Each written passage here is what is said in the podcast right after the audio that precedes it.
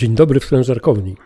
Sprężarkownia to podcast, gdzie znajdziesz potrzebne Ci informacje o pomieszczeniu sprężarek, samych sprężarkach śrubowych lub łopatkowych, systemie uzdatniania sprężonego powietrza i instalacji sprężonego powietrza.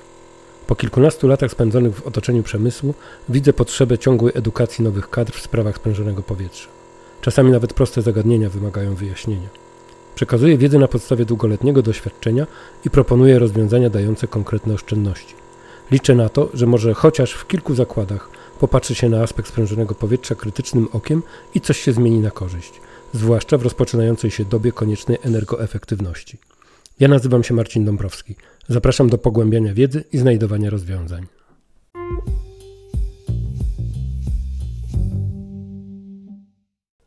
Kiedyś sprężarki były jakieś inne.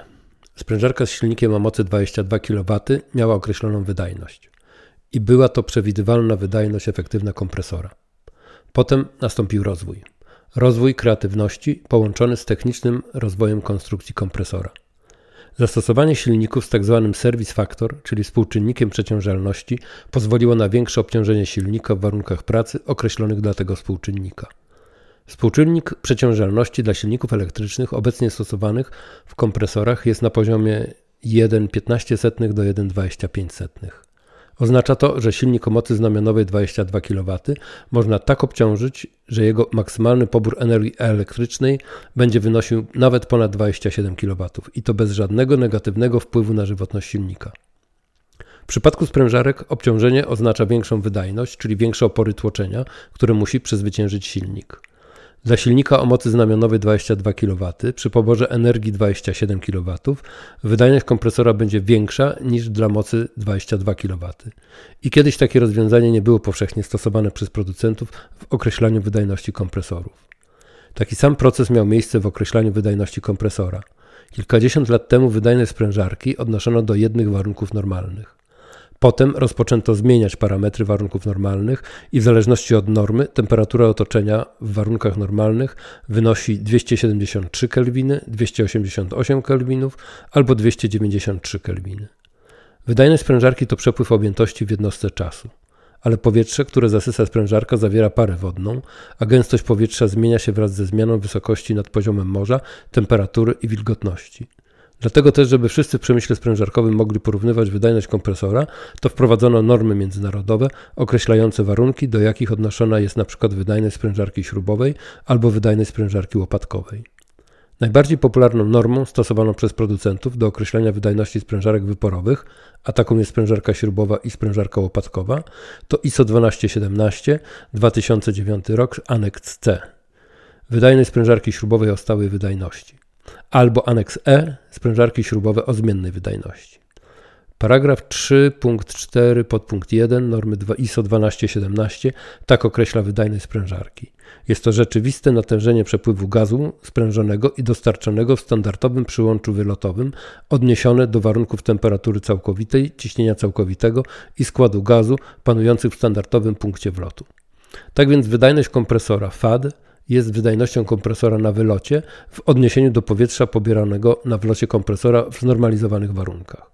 A te znormalizowane warunki to ciśnienie 1013 milibarów, temperatura 273 kelwiny, to jest 0 stopnia Celsjusza zgodnie z normą ISO 1343 albo 288 kelwinów, czyli 15 stopni Celsjusza zgodnie z normą ISO 2533 lub 293 kelwiny to jest 20 stopni Celsjusza zgodnie z normą ISO 1217 oraz wilgotność względna 0%.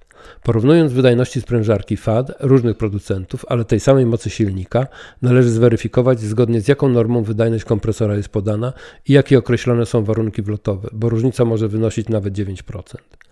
Grupa Gardner Denver to różne marki kompresorów.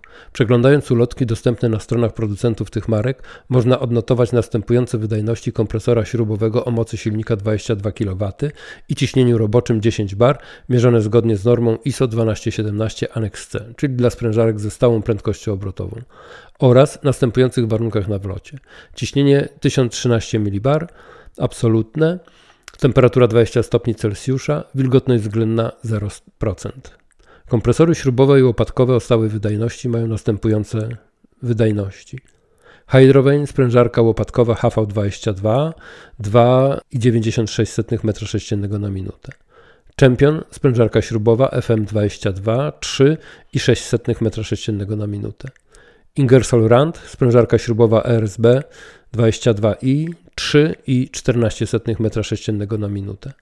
Gardner Denver, sprężarka śrubowa ESM 22 3,21 m3 na minutę i sprężarka śrubowa L22 z Compera ma tą samą wydajność. Garner Denver, sprężarka śrubowa ESM 23 ma wydajność 3,45 m3 na minutę i taką samą wydajność ma sprężarka śrubowa Comper L23. Jak widać dla tej samej mocy znamionowej silnika 22 kW przy ciśnieniu roboczym 10 bar wydajność kompresora jest w zakresie od 2,96 do 3,45 m3 na minutę. Powyższe dane odpowiadają na pytanie, jaka jest wydajność kompresora. Różnice w wydajności kompresora biorą się z różnic konstrukcyjnych sprężarki, ale wydajność kompresora to nie wszystko. Ważny jest jeszcze pobór mocy przez kompresor przy określonym ciśnieniu i dopiero wtedy można określić jego jakość energetyczną. Na zakończenie warto jeszcze podkreślić dwa aspekty. Wydajność sprężarki w warunkach rzeczywistych odbiega od wydajności podanej w ulatkach, bo z reguły temperatura otoczenia, ciśnienie atmosferyczne i wilgotność powietrza różnią się od warunków normatywnych. Oraz wydajność kompresora zmienia się w miarę upływu czasu z powodu zużycia się wewnętrznych elementów sprężarki. Dlatego warto monitorować wydajność, aby określić moment, kiedy sprężarka będzie wymagać remontu. Jeżeli chcesz porozmawiać o wydajności Twojej sprężarki, to daj znać. Na pewno podejmę temat. A teraz szybka prośba.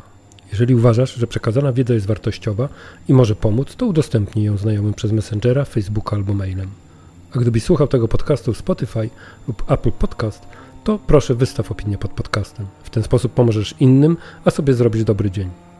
Zapraszam też do subskrypcji podcastu, bo w ten sposób nie przegapisz następnego odcinka. Dzięki za poświęcony czas i do usłyszenia w następnym odcinku podcastu Sprężarkownia. A już teraz życzę Ci bezproblemowej eksploatacji Twojego systemu sprężonego powietrza.